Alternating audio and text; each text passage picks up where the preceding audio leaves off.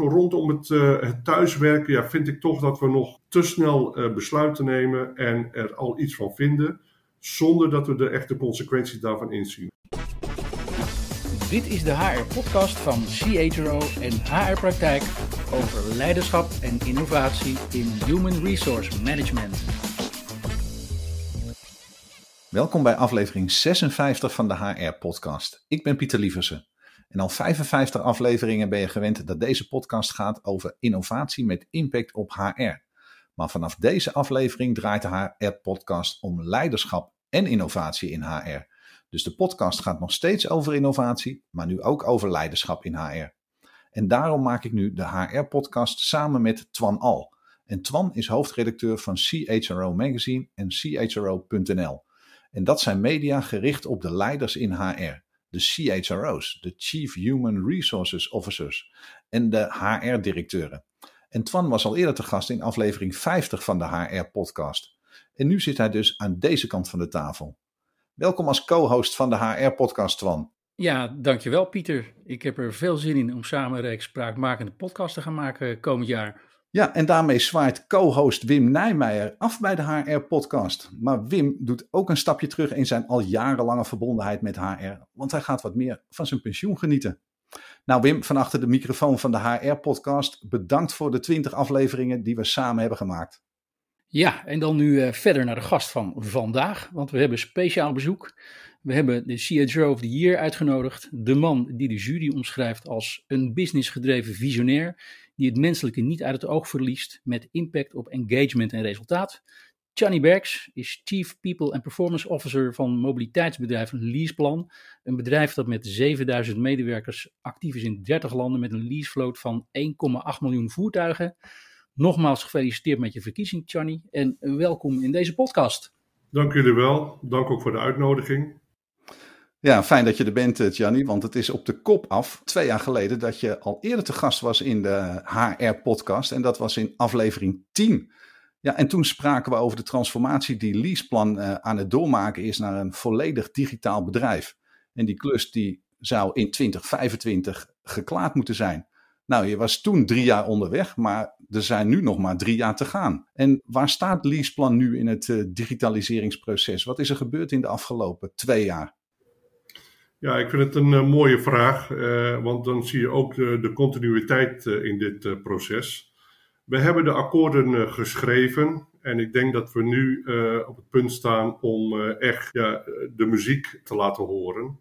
En wat we dus nu aan het doen zijn is met ons platform, hè, de Next Gen Digital Architecture NGDA, gaan wij met de zogenaamde frontrunners countries, dat zijn drie landen die hebben uitgekozen en natuurlijk ook met hen besproken, om echt te laten zien uh, dat het werkt. En, en, nu gaan we de eerste paar honderdduizend uh, master lease contracten gaan we in het systeem uh, plaatsen.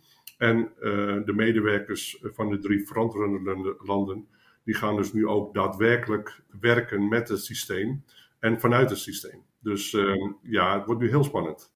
Dus er is hard gewerkt aan een nieuw platform. Maar als je kijkt in de tijd, want je was er al sinds 2017 mee bezig, dan is er denk ik ook wel heel veel gebeurd op de manier waarop dat jullie nu al processen laten lopen binnen en het bedrijf, maar ook met klanten en partners.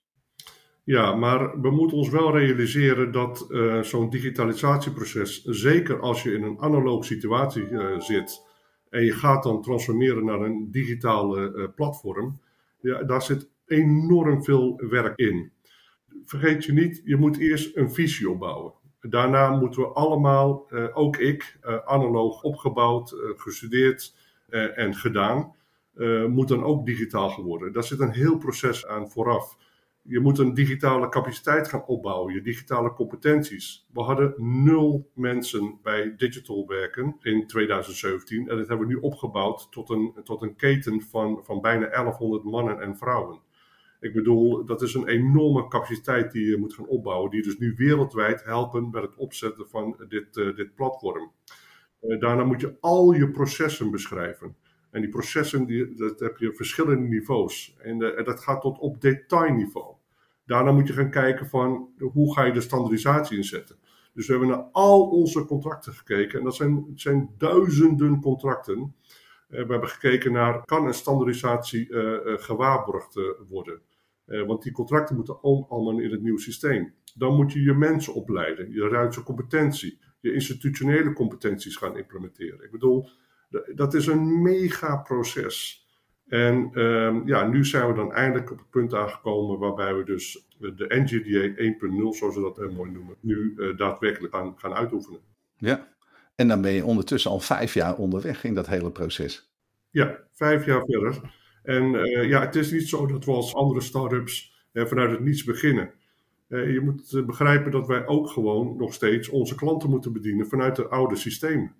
En vervolgens moet je dus naar een heel nieuw systeem toe gaan. Dat is echt ongelooflijk. Ja, en toen wij elkaar eh, twee jaar geleden spraken, toen zei je van ja, er is natuurlijk al ontzettend veel gebeurd. Maar toch staan we nog steeds aan het begin van het proces. Hè, op weg naar de polster aan de horizon, hè, het oriëntatiepunt wat jij toen noemde.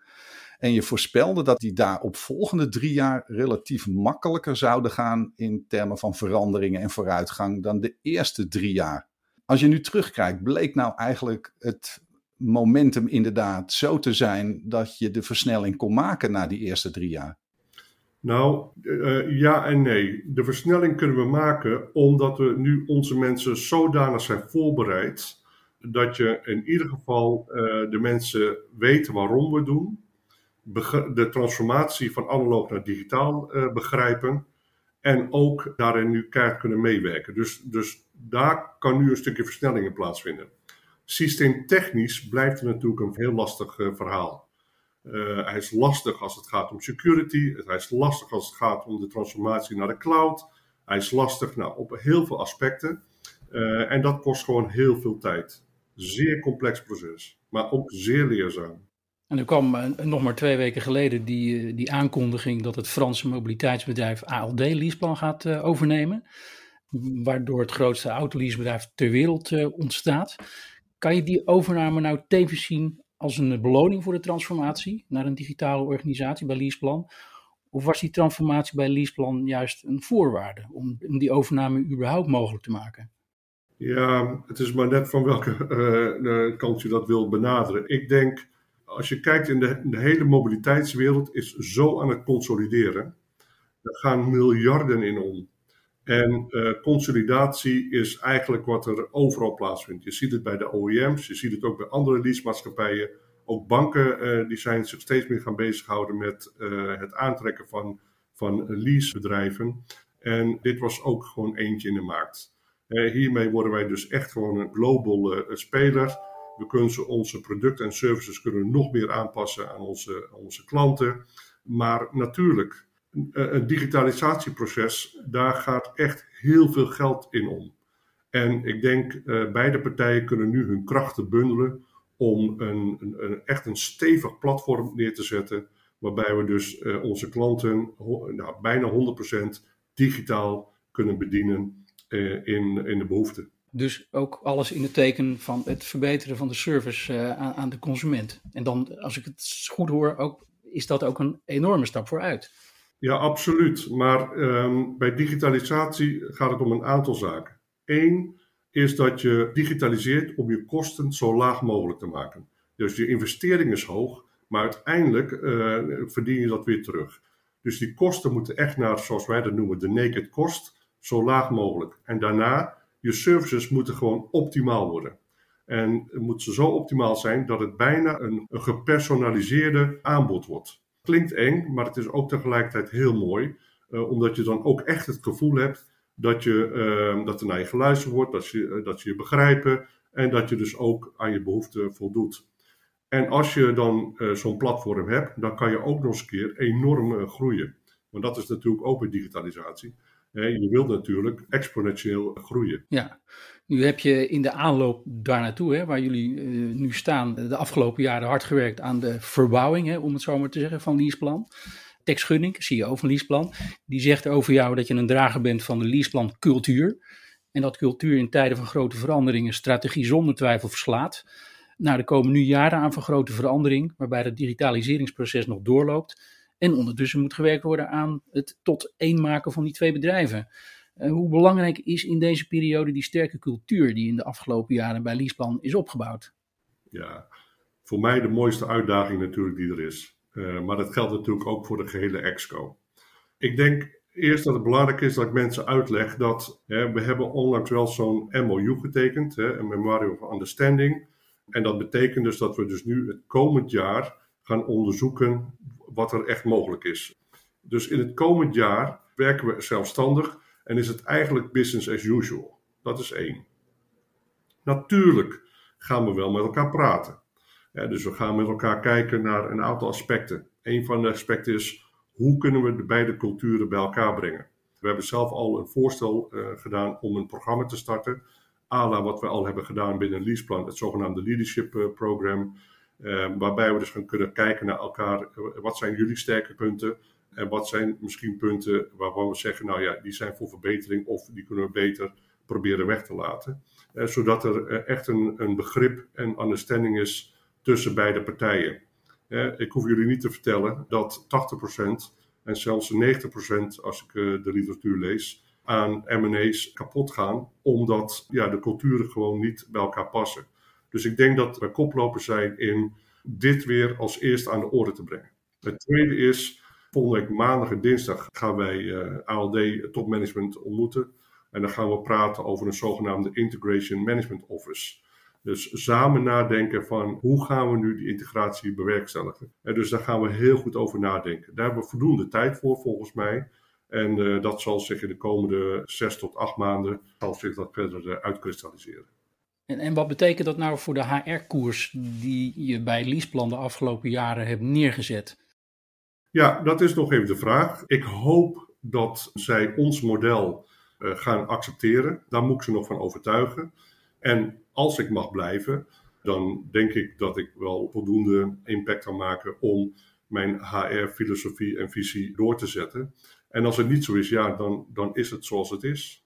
Zo gaat het meestal uh, in, uh, in dit soort trajecten. Inderdaad, ja, ja. Maar dat betekent voor jou dat jouw toekomst dus nu, die staat nog te bekijken dan. Ja, zeker. Maar dat, dat was al bekend voor mij hoor. Dus uh, ik heb er ook nooit een geheim van gemaakt. En dat is ook heel normaal op uh, topmanagement uh, niveau. Zij hebben ook een volledige topmanagement. Dus daar wil ik gerust wel vrij over praten. Dat is helemaal geen probleem. Maar zolang ik nog binnen Leaseplan ben, heb ik de verantwoordelijkheid voor de organisatie, voor onze collega's en mijn collega's en onze medewerkers, maar ook voor onze klanten, om 100% natuurlijk in te zetten. En Johnny Berks op dat moment, op het einde, is dan, dan niet meer relevant. De relevantie is dat de beide organisaties door kunnen gaan. En dat er eh, toekomst wordt geboden voor de toekomstige generaties om binnen dit prachtige leasebedrijf ja, door te kunnen gaan. Ja, ja. En welke rol speel je als, uh, als Chief People and Performance Officer in dat integratieproces? Nou, ik denk dat het belangrijk is dat uh, mensen wel realiseren. Kijk, ik heb een hele specifieke rol. Hè. Ik ben niet alleen uh, member of the EXCO, maar ik ben ook Chief People Officer, maar ik ben ook nog eens keer landendirecteur. En uh, die combinatie is gewoon uniek. Wat zo mooi is aan deze combinatie is dat ik en met mijn beide benen in de landen sta. En in dit geval mijn landen, Brazilië, Mexico, de US, Oostenrijk en Zwitserland. Deze landen ben ik dus verantwoordelijk voor de integratie. En daar zal ik mijn uiterste best voor doen. Maar als EXCO-member kijk ik ook natuurlijk naar het brede verband als Liesman Groep. En de integratie die we dadelijk gaan doen met ALD. En mijn rol die ik waarschijnlijk zal gaan spelen in de Integration Management Office. Daarnaast ben ik ook nog een keer voorzitter van het pensioenfonds. En de pensioenfondsen die wij hebben in de, in de landen. Dus daar zal ik ook waarschijnlijk een bepaalde rol in moeten gaan spelen. Van ja, hoe kunnen we nu die pensioenen allemaal gaan, eh, gaan harmoniseren? Als wij mede ook de arbeidsvoorwaarden. Maar goed, dat zal een iets langere termijn gedachte zijn. Dus ja, we staan een beetje aan de vooravond. Hè, dus de komende, ik denk, weken, misschien maanden, zal duidelijk worden welke rol ik ga spelen in de hele integratie. En, en daarna of er nog toekomst is binnen deze constellatie. Als we kijken naar de leaseplan medewerkers, wat, wat, verwachten die van jou in deze context en wat er nu gaat gebeuren? Nou, eigenlijk waarmaken waar we eigenlijk de medewerkers al jarenlang over hebben geïnformeerd en hebben voorbereid. Jarenlang zijn we heel duidelijk geweest over onze visie. Jarenlang hebben de medewerkers betrokken in de discussie over het waarom uh, van deze verandering, het waarom van de transformatie. En ook nu met de aankondiging, er was meer zoiets van een opluchting van hé eindelijk duidelijkheid, let's work on it. Zelf verwacht ik dat er geen grote impact zal zijn voor ons personeel. Daar moet ik altijd natuurlijk mee oppassen wat ik zeg, maar toch wil ik het zeggen. Als je kijkt naar de attrition rate bij ALD en bij Leaseplan, is op zo'n niveau dat als dit zich de komende drie tot vier jaar zo zal blijven, ik denk dat je dan juist banen behoudt. Ja, dat is goed nieuws. Ja, dat is ook goed nieuws. En uh, ik vind het ook passen uh, binnen ons HR-beleid, uh, eh, maar ook die van ALD. En daar heb ik al gezien dat we in ons denken ja, toch wel gelijk zijn. En om een bruggetje te maken van baanbehoud voor huidige medewerkers, Jannie, wil ik toch ook graag een actueel onderwerp met je bespreken. En dat is de krapte op de arbeidsmarkt. Dat speelt wereldwijd en dat is zeker aan de hand voor mensen met een IT-achtergrond, waar jullie er heel veel van hebben en misschien ook wel nodig hebben. Hoe is de situatie bij Leaseplan als het gaat over het vervullen van vacatures? Ja, dat gaat bij ons nog steeds heel goed. Uh, alhoewel de attrition rate best wel hoog is. Ook weer niet zo hoog, want het past ook weer net binnen de benchmark. Als je kijkt bij digital, we hebben daar volgens mij nog iets van 100 uh, eh, vacatures. Het is een andere wereld. Uh, als je kijkt bij binnen digital, volgens mij rond de 60 tot 65 procent zijn ZZP'ers. Eh, de jongeren van nu, eh, maar ook ouderen overigens, maar met name de jongeren, die kiezen steeds meer voor het hebben van ja, zelfstandigheid, hebben een eigen bedrijf. Ze bewegen ook in tribes. dus ze vinden iets interessants, ze bellen naar elkaar toe en komen als groepen naar, naar je toe. En omdat ze zo interessant zijn, maken ze de klus af en gaan ze weer naar de volgende klus. Dat is een nieuwe trend. ik vraag me af hoe die trend zich verder gaat ontwikkelen. Uh, verder wat wij doen is dat wij ook bepaalde gigs plaatsen voor complexe vraagstukken. daar kunnen dan mensen op reageren. En die gaan dan via gamification, worden ze dan geselecteerd. En die mensen doen die klus en vervolgens gaan ze weer weg. en het zijn mensen all over the world. Dus ook dat is een nieuwe trend. En wat ik daar weer interessant aan vind, het is voor ons zeg maar ook de opmaak naar de, de skills network. Ik vind het wel even leuk om te zeggen, is dat wij samen met ons huidige systeem uh, zijn we bezig met het opzetten van een skills-netwerk. We hebben net een, een pilot gedaan uh, in de, wij, wij noemen het de Talent Market Acquisition Place. En een paar honderd medewerkers hebben hun skills in het systeem gezet. We hebben gigs geplaatst, er zijn korte opdrachten. Het systeem heeft geholpen om de mensen te selecteren op basis van hun skills. Deze medewerkers hebben all over the world hebben dus meegedaan aan, aan die opdracht. Hebben ook uh, zelf uit een groep een coach of leider gekozen. En vervolgens uh, hebben ze die opdrachten allemaal uh, afgerond. Dat is zo'n succes geworden dat wij dit nu verder gaan uitbouwen. En we gaan het nu echt wereldwijd doen. En vervolgens, als dat ook weer succes is, dan gaan we ook jobpostings doen binnen onze organisatie. Maar nog veel belangrijker is, we gaan dit daar ook gebruiken naar de buitenwereld toe. Dus stel dat je, je zit thuis, uh, maar je hebt uh, zeg maar één dag per week over om uh, iets te doen. Nou, je ziet een interessante gig bij, bij Leaseplan, je tekent daarop in, je gaat die job doen en vervolgens ben je klaar. Dit is de richting waar ik denk waar we naartoe gaan. En dat betekent dus dat er dus veel meer flexibiliteit gaat komen in die arbeidsmarkt. Twee, dat er ook je core medewerkers in je organisatie zal veel kleiner worden. En dat je groep in uh, zeg maar je buitenschil aan de hand van die gigs, omdat mensen dat dan interessant vinden, dat ze zo'n gig willen uh, uitvoeren, uh, zal dan veel groter gaan worden. Ik denk dat we heel langzaam daar naartoe bewegen.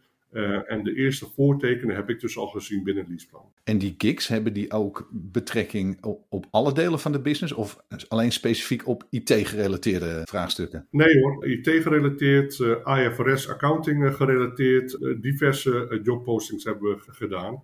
En is het dan ook zo dat de transformatie die we nu eigenlijk tijdens corona hebben doorgemaakt, dat remote werken eigenlijk meer gewoon geworden is, dat dat ook deze beweging die jij noemt met die gigs in de kaart speelt. Dat mensen all over the world eigenlijk kunnen reageren op die gigs. Die hoeven dan niet per se te zitten in het land waar dat project dan misschien speelt.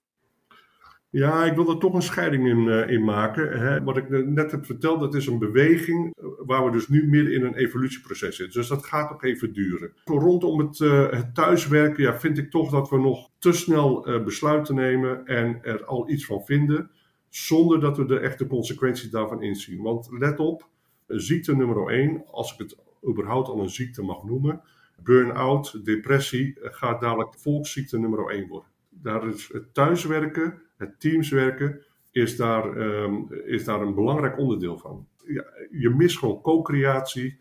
Uh, je mist gewoon het met elkaar in een kamer samen nadenken over hoe pak je nou iets op. Teamswerken is heel transactioneel. En ik denk dat we daar toch voorzichtig moeten zijn uh, dat mensen alleen maar thuis moeten gaan werken. Je moet daar een balans in zien te vinden. En daarnaast uh, maakt Teams ook dat er een soort van flexibiliteit is ontstaan vroeger was het zo dat je zegt van ja goed, ik moet mijn kind ophalen en ja, ik neem twee uurtjes vrij of drie uurtjes vrij. Nu zeg je ik ga mijn kind ophalen, maar ik haak thuis aan en dan doe ik daarna gewoon mee aan de, aan de discussie. Dus je, je productiviteit blijft daarmee ook nog eens een stukje hoog. En ik mis daar gewoon de nuance in de discussie. En waarom zoek ik naar die nuance en dat er een heldere uh, formulering komt? je ziet nu langzamerhand dat ook de vakbonden uh, dit een soort van entitlement willen gaan maken. En, en, uh, en dat willen ze ook in de cao's gaan vastleggen. En ik vind dat een gevaarlijke, omdat je daarmee eigenlijk de, de gedachtegang van flexibiliteit wegneemt. Want dan wordt het verplicht thuiswerken drie dagen of twee dagen of vier dagen. En er moeten daar natuurlijk weer allerlei kosten tegenover staan. De kosten voor mij is niet zozeer het probleem, maar meer van waar hebben we het nu echt zek over als het gaat om teamswerken. Ik mis daar nog steeds eh, een, ja, een goede dialoog, eh, mis ik daar. En waar hebben we het nu echt over? Maar ook wat is de impact van al dit transactionele werken? En ik zou daar toch meer discussie over willen hebben voordat we gaan naar een discussie over entitlements. Want het is dus niet zo dat jullie dan remote working eigenlijk als een kans zien om je talentpool te vergroten. Want je bent niet meer zo gebonden aan specifieke locaties, want de wereld is je vijven. Ja, nee, natuurlijk. Daar heb ik ook niets op tegen. Uh, waar ik op tegen ben, is dat wij het thuiswerken als een gegeven gaan plaatsen. Daar heb ik nog moeite mee. En natuurlijk, eh, zoals ik net al zei, wij gebruiken talenten all over the world om ons met specifieke problemen uh, te helpen op te lossen. Maar het zijn gewoon tijdelijke krachten. En dat is ook weer een andere vorm van denken. Ja, Johnny. In, uh, in november ben je verkozen tot uh, CHRO of the Year. Op de CHRO Day. En wat betekent die uitverkiezing voor jou? En wat betekent die uitverkiezing voor je team? Ja, ten eerste vind ik het heel mooi de, dat ik gekozen ben, vooral door uh, vakgenoten. Uh, dat betekent voor mij heel veel. Zoals je weet was ik in 2018 was ik ook genomineerd. Alleen ik heb me toen teruggetrokken omdat ik vond dat ik ja, op dat moment ik had nog geen verhaal. Hè. Nu heb ik een verhaal. Ik kan nu echt de transformatie en alles wat we hebben gedaan over de afgelopen vier jaar, kan ik echt vertellen. En het is denk ik voor mezelf, uh, maar ook voor de HR-community, een mooi verhaal uh, geworden. En we bouwen daar nog steeds verder aan voort. Ten tweede is het natuurlijk fantastisch voor de HR-community van Leaseplan. Uh, want uiteindelijk, het gaat nog niet zozeer over mij. natuurlijk klinkt dat cliché, ik, ik, hoor de mensen al denken, maar de mensen die me echt kennen, het gaat om mijn medewerkers. Zo werk ik met mijn medewerkers, altijd met elkaar. Ja, samen sta je toch veel sterker. Hè? Ten derde is het ook, uh, wil ik mijn CEO Tex Schunning uh, bedanken. Want de samenwerking die we samen hebben, zijn creatieve brein, uh, hij is ongelooflijk begaan, ook met personeel, maakt mijn werk ook een stukje makkelijker. Um, waardoor we ook samen tot fantastische ideeën komen, zoals bijvoorbeeld we, we, zeiden toen tegen elkaar, ja, hoe kunnen we nu de ondernemingsraad zo meenemen dat zij ook echt begrijpen wat die transformatie inhoudt. En we kwamen toen op het idee om gewoon naar Silicon Valley toe te gaan. Dus we zijn met de hele centrale ondernemingsraad zijn we gewoon naar Silicon Valley gegaan. Tex en ik mee. En we, we hebben daar allerlei bedrijven bezocht, start-ups, om gewoon te kijken wat er staat te wachten op het gebied van mobiliteit. Ja, het heeft zo'n inzicht gegeven en het helpt ons weer bij eh, zeg maar al onze adviesaanvragen die we dus doen bij de, bij de ondernemingsraad. Nou, dat soort ideeën, hè, dat doen we dus samen, doe ik samen met Tex. En dat is ook uh, erg behulpzaam. En tot slot uh, vind ik het ook voor thuis heel belangrijk. Kijk, ik ben een workaholic, daar, dat is bekend. Ik heb jullie al gezegd, ik werk echt heel veel. Maar die zien dan ook de spin-off van al het harde werken. Dus dat, uh, ook voor thuis vind ik het gewoon mooi, voor de kinderen en voor mijn vrouw. Uh, ja, het is toch iets bijzonders. Ja, je ziet het dus duidelijk als een gedeelde onderscheiding. Nou, absoluut. Echt, niks kan je alleen doen. Ik geloof er ook niet in. Je doet alles samen. En dus ook mijn rol, en de positie die ik, die ik nu heb, heb ik te danken aan al mijn collega's die zo hard voor mij en voor de organisatie en voor onze klanten hebben gewerkt. En natuurlijk uh, stuur ik en natuurlijk moet ik leiding geven. Maar het zijn wel deze mensen, omdat ze zo hard hebben gewerkt en de resultaten zo fantastisch zijn, zijn geweest, heeft dat geleid tot waar ik nu ben. En het heeft ook geleid tot ik dus nu ook uh, CHRO van het jaar ben geworden. Als we even kijken naar, uh, naar hoe de jury eigenlijk over jou geoordeeld heeft. Hè? Dat, die jury bestond dus, hè, je zei het net zelf al, vier oud CHRO's of the Year. En die hebben de genomineerden beoordeeld op uh, drie aspecten. Innovatie, impact en inspiratie.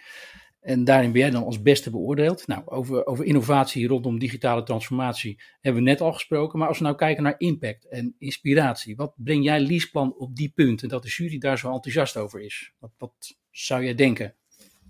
Nou ja, inspiratie uh, zeker. Bijvoorbeeld uh, met die ondernemingsraad naar zo'n Silicon Valley toe gaan. Dat is er een van. Ik denk dat de leadership journeys, ook ingegeven door Tech Schudding overigens, dat we daar een enorme impact in de organisatie hebben gebracht. Uh, vooral dat mensen echt over zichzelf moeten gaan nadenken. vergis je niet de lifeline discussies, wat het heeft gedaan met het vermogen van, van trust. Kan je daar iets over zeggen, over die, wat dat betekent, lifeline sessies? Ja, dat zal ik uh, doen. Wat we hebben gedaan is, uh, los van de business, uh, zeg maar, why van de verandering, de transformatie, hebben we ook heel veel gesproken over wie ben ik. En dat doen we dan met de zogenaamde Enneagram. daar hebben we ook Enneagram-professoren hebben we daarvoor uitgenodigd. En vervolgens moeten mensen iets gaan zeggen van waar komt jouw gedrag nou vandaan? Waar denk je dat het vandaan komt? Dus mensen worden ook echt in een stilte ruimte gezet. Of wat we heel vaak hebben gedaan, ook ergens in het bos of uh, op strand.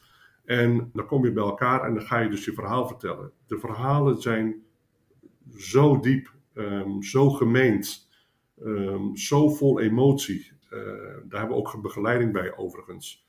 Um, waarbij dus mensen uh, laadjes in hun hoofd hebben opengetrokken die al lang geleden gesloten waren. En die, die lifelines, door die verhalen vertellen en doordat je deelt, komen mensen heel dicht bij elkaar. En je, je creëert dan een vermogen van, van trust. En uh, als je agile wil gaan werken, agile werken gaat over vertrouwen. En, uh, en, dat, dat heeft zo'n impact in de organisatie, uh, dat we daar nu al over nadenken over vervolgtrajecten in deze. Want je, je, kan het hier niet bij laten. En we zitten nu ook denken van hoe ga je om met je eigen ego. dat zijn hele specifieke programma's. En ja, die impact is gewoon enorm. En dat staat me heel veel bij. Ik heb er zelf een aantal gedaan met verschillende groepen. Het is echt iets ongelooflijks, werkelijk waar. Maar dit is ook onderdeel van die leadership journey waar je het net over had, toch? Ja, absoluut. Ja. Maar ook uh, zeg maar de transformatie zelf. Met de medewerkers zijn we die transformatie begonnen. Vier jaar geleden, Tex, ik en een aantal andere leaders zijn we de wereld afgevlogen. En uh, we hebben echt uh, gewoon alleen een S-curve getekend op een, op een muur. En we hebben mensen gevraagd, waar staan we nu? En vervolgens hebben de mensen allemaal gevraagd, wat moet er gaan veranderen? We hebben een enorme enquête gehouden. Uh, en met elkaar, dus weer co-creatie, hebben we dus richting gegeven aan de transformatie van, van Leaseplan. Dus zoals ik al zei, we doen niks alleen. We doen alles samen. De medewerkers worden 100% betrokken. En ook nu weer, we hebben ook de medewerkers continu verteld wat kan er gaan gebeuren met jouw job. Dus we hebben filmpjes ge gecreëerd, we hebben heel veel geld erin gestoken, waarin je ziet uh, hoe je van administratieve functies naar uh, analyses gaat doen. Dus hoe gaat jouw job, dus mensen echt bij de hand meegenomen, echt in Jippe Janneke taal, hoe een verandering van jouw job eruit ziet. We hebben ook samengewerkt aan de nieuwe competenties eh, voor de fase waar we nu in zitten binnen de organisatie. Ook weer met de medewerkers. Ik kan me voorstellen dat medewerkers daardoor ook met meer zelfvertrouwen naar die aankomende integratie uh, gaan kijken.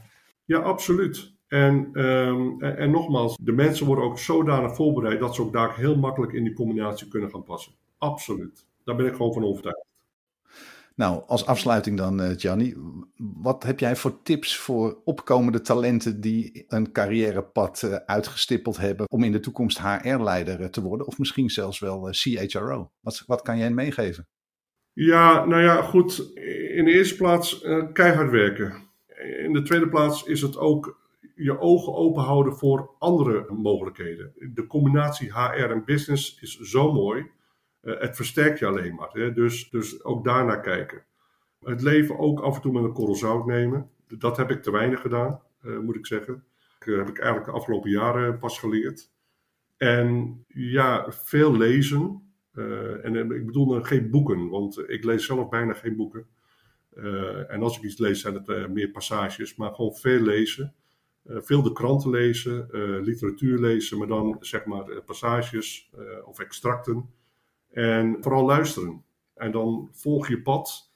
Ga het pad niet helemaal uitstippelen, want dat gaat nooit werken. Ik bedoel, uh, wie zei het ook weer? Is het Mike Tyson? Hè? Je, je, je zet een strategie uh, tot het moment dat je op je gezicht wordt geslagen. Het is belangrijk dat je ook flexibel in je hoofd bent. Uh, want als je die flexibiliteit niet in je hoofd hebt, dan gaat het je ook niet lukken.